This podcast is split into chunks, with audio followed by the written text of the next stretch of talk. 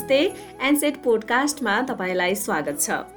एनसेट नेपालले सुरु गरेको छ पोडकास्टको यात्रा र आजको यो पोडकास्ट रहेको छ एकदमै पहिलो एपिसोड अनि म हुँ पवित्रा। एनसेट पोडकास्टमा हामी नेपालमा हुने विभिन्न प्राकृतिक प्रकोप र विपदको विषयमा कहिले हामी विज्ञहरूसँगको अनुभव लिएर आउनेछौँ भने कहिले तपाईँहरूले नै विपदको समयमा या अन्य समयमा भोग्नु भएको देख्नु भएको महसुस गर्नुभएको तितो मिठो अनुभव र कथाहरू प्रस्तुत गर्नेछौँ।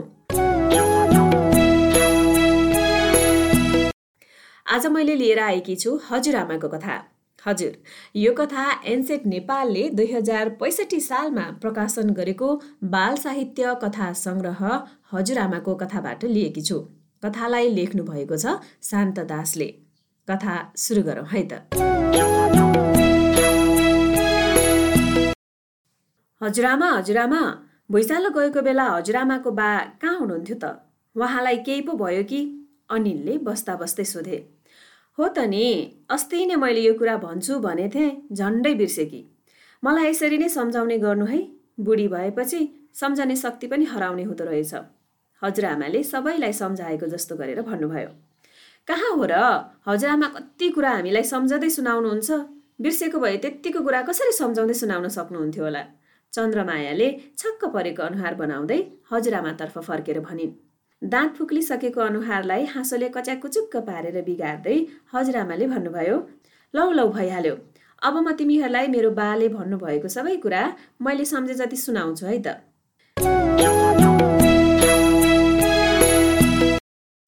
जाडोको याम। जाडो जाडो थियो। त्यसैले केटाकेटीहरू सबै न्यानो खोज्दै अघि अघि सरेर एकअर्कासित टाँसिएर बसे। त्यसै बेला हजुरआमाले बिस्तारै आफ्नो कुरा सुनाउन थाल्नुभयो। त्यो दिन मेरा बा त्रिपुरेश्वरमा जानुभएको रहेछ। उहाँ त्रिपुरेश्वरमा जानुभएको कुरा मेरी आमालाई थाहा थिएन। त्यसबेला लोग्ने मान्छेहरूले आफू कता जाने भन्ने कुरा घरमा भनेर जाने चलन नै थिएन। किन हजुरआमा भनेर जानु हुँदैन र? भनेर जानुभएको भए कति राम्रो हुन्थ्यो होइन र? पवनले आफूलाई लागेको कुरा सोधिहाले। हो त नि किन राम्रो हुँदैन? तर बाहिर जान लागेकाहरूसँग कता हिँड्न लाग्नु भएको भनेर समेत सोध्न हुन्न भन्थे त्यसबेला। त्यसरी सोद्धा अपसकुन हुन्थ्यो रे। काम बिग्रन्थ्यो अरे। फेरि त्यसबेला अहिलेको जस्तो मोबाइल फोनको के कुरा? फोन भन्ने नै थिएन। अनि फर्केर नआइपुगुन् जेलसम्म लोग्ने मान्छेहरू कता गएका होलान् भन्ने कुरा घरका मानिसहरूलाई केही थाहा हुँदैन थियो बा त्यसरी बाहिर जानुभएको बेलामै भुइँचालो गयो। त्यस्तो डरलाग्दो बेला मेरी आमालाई कस्तो पिर पर्यो होला लौ भन त। अहिले सम्झँदा मात्र पनि मेरो आङ सिरिङ्ग हुन्छ र मुखको पानी सुक्छ। भन्दा भन्दै हजुरआमा एकछिन चुप्प लाग्नुभयो। अनि के भयो त हजुरआमा? बा तुरुन्तै आइपुग्नु भएन त अनिलले सोधे। त्यस्तो आपतको बेला मानिसहरू सिङ्गो जिउ कमाउँदै र ठुल्ठुलो स्वरले आफ्नो मान्छेको नाउँ लिँदै यताउति दगुरिरहेका थिए। बा त झन्डै तिन घन्टापछि मात्रै आइपुग्नु भयो। त्यसबेला उहाँलाई हामीले चिन्न पनि सकेका थिएनौँ। आमाले त चिन्न सक्नु भएको थिएन। मुखभरि धुलै धुलो। अनि उहाँको लुगा पनि धुलोले छोपेको। उहाँ त सन्तुलन गुमेको मान्छे जस्तै स्वास्वा र फफा गरी छिटो छिटो सास फेर्दै आउनुभएको थियो। उहाँले आमा र हामीहरूलाई गमलङ्ग अँगालो हाल्नु भएपछि पो हामीले उहाँलाई चिनेको।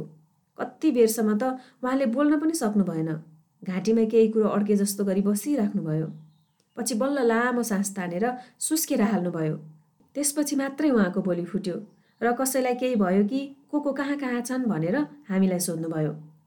हजुरआमा त्रिपुरेश्वरदेखि हाम्रो घरसम्म आइपुग्न तिन घन्टा लाग्छ र? पवनले तुरुन्तै सोधे।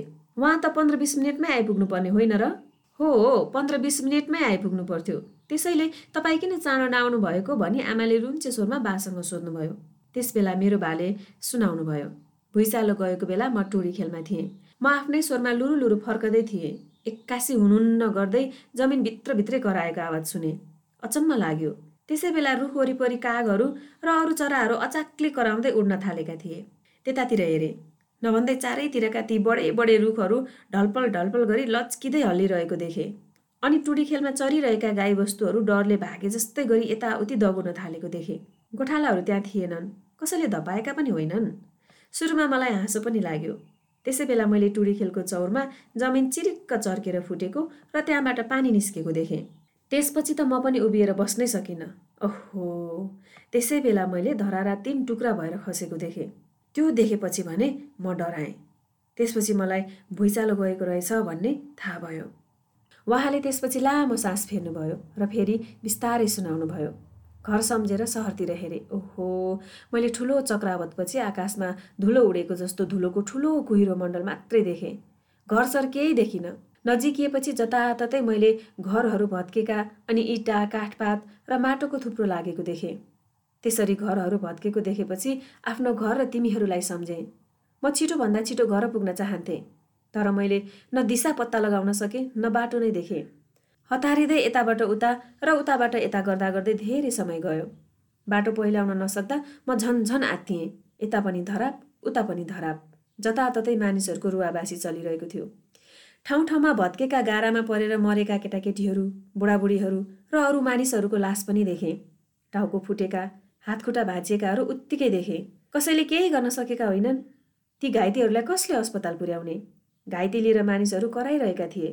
त्यो देखेर मेरो मन कहालियो। मन हतारियो। म दगुरे खुब दगुरे तर मैले बाटो नै ठम्याउन सकिनँ। आफ्नै टोलनिर आइपुगिसक्दा पनि म अल्मलिरहेको थिएँ। यसरी बल्ल बल्ल म आइपुगेँ। यति भन्दा नभन्दै बाले लामो सास तान्नुभयो। हामी केटाकेटीहरूलाई अँगालोमा लिनुभयो। आँखाबाट बरर आँसु खसाल्नुभयो। त्यसपछि लामो सुस्केर हालेर चुप्प लाग्नुभयो। त्यस बेला त्यसरी एकजनाले अर्कोलाई हेर्न पाएकोमा हामी भन्नै नसकिने किसिमबाट खुसी थियौँ। हामी आफैले आफूलाई धन्य सम्झेका थियौँ। मेरी आमाले त त्यस बेला देउताको नाम लिनुभएको कति हो कति? हजुरआमा भुइँचालो जाँदा त्यो टुडी खेल किन चर्केको होला? अनि पानी पनि निस्क्यो भनेको होइन र? कसरी निस्केको होला? हजुरआमा भुइँचालो जानु भनेको साँच्चै के हो? चन्द्रमायाले हजुरआमासँग सोधिन्। भू भनेको भुइँ अर्थात् जमिन हो। यो त सजिलैसित बुझिन्छ नि होइन त? तिमीहरूलाई थाहै छ भुइँचालोलाई भूकम्प पनि भनिन्छ। कम्प भनेको काँप्नु अर्थात् काम्नु हो अनि भूकम्प भनेको भुइँ काम्नु हो होइन त? हजुरआमाले व्याख्या गरेर सुनाउनु भयो हजुरआमा भुइँचालो किन गएको? भुइँचालो जाँदा सिङ्गो पृथ्वी नै काम्ने हो। यो कसरी जान्छ भन्नुहोस् न हजुरआमा अनिलले तुरुन्तै एकपछि अर्को प्रश्न सोधे। भुइँचालो किन जान्छ? यो कसरी जान्छ? भुइँचालो जाँदा सिङ्गो पृथ्वी नै काम्ने हो कि होइन? म सब कुरा बताउँछु। आज अबेर भइसक्यो। म भोलि बताउँछु भोलि। आजलाई यति नै। हजुरआमाले सबैको अनुहारतिर पालै पालो हेर्दै भन्नुभयो। त्यसपछि केटाकेटीहरू लामो सास तान्दै उठे र आ आफ्नो कोठातिर सुत्न हिँडे। कस्तो लाग्यो त तपाईँलाई हजुरआमाको कथा? आशा छ अवश्य पनि मन पर्यो। यदि तपाईँसँग पनि यस्ता तिता मिठा अनुभवहरू समेटिएको कथाहरू छन् अनुभवहरू छन् भने हामीसँग बाँड्नुहोस्। हामी तपाईँको भोगाई र अनुभवलाई हाम्रो पोडकास्ट मार्फत प्रस्तुत गर्नेछौँ। लेखी पठाउनुहोस् तपाईँको कथा NSET podcast at the rate Gmail dot कममा तपाईँलाई हाम्रो पोडकास्ट बारे या नेपालमा हुने विभिन्न प्राकृतिक प्रकोप सम्बन्धी जानकारी लिन मन छ भने एनसेट नेपालको फेसबुक पेज र ट्विटर अकाउन्टलाई फलो गर्नुहोस्। साथै युट्युब च्यानललाई सब्सक्राइब गर्नुहोस् जहाँ तपाईँले खोज्नु भएको जानकारी भेटिन सक्छ। साथै आउँदा दिनहरूमा हाम्रो पोडकास्ट मार्फत तपाईँ के कस्तो विषय सुन्न चाहनुहुन्छ त्यो पनि हामीलाई भन्नुहोस्। हवस् त आजलाई भने एनसेट पोडकास्टबाट म पवित्र पनि बिदा हुन्छु। नमस्ते शुभ समय।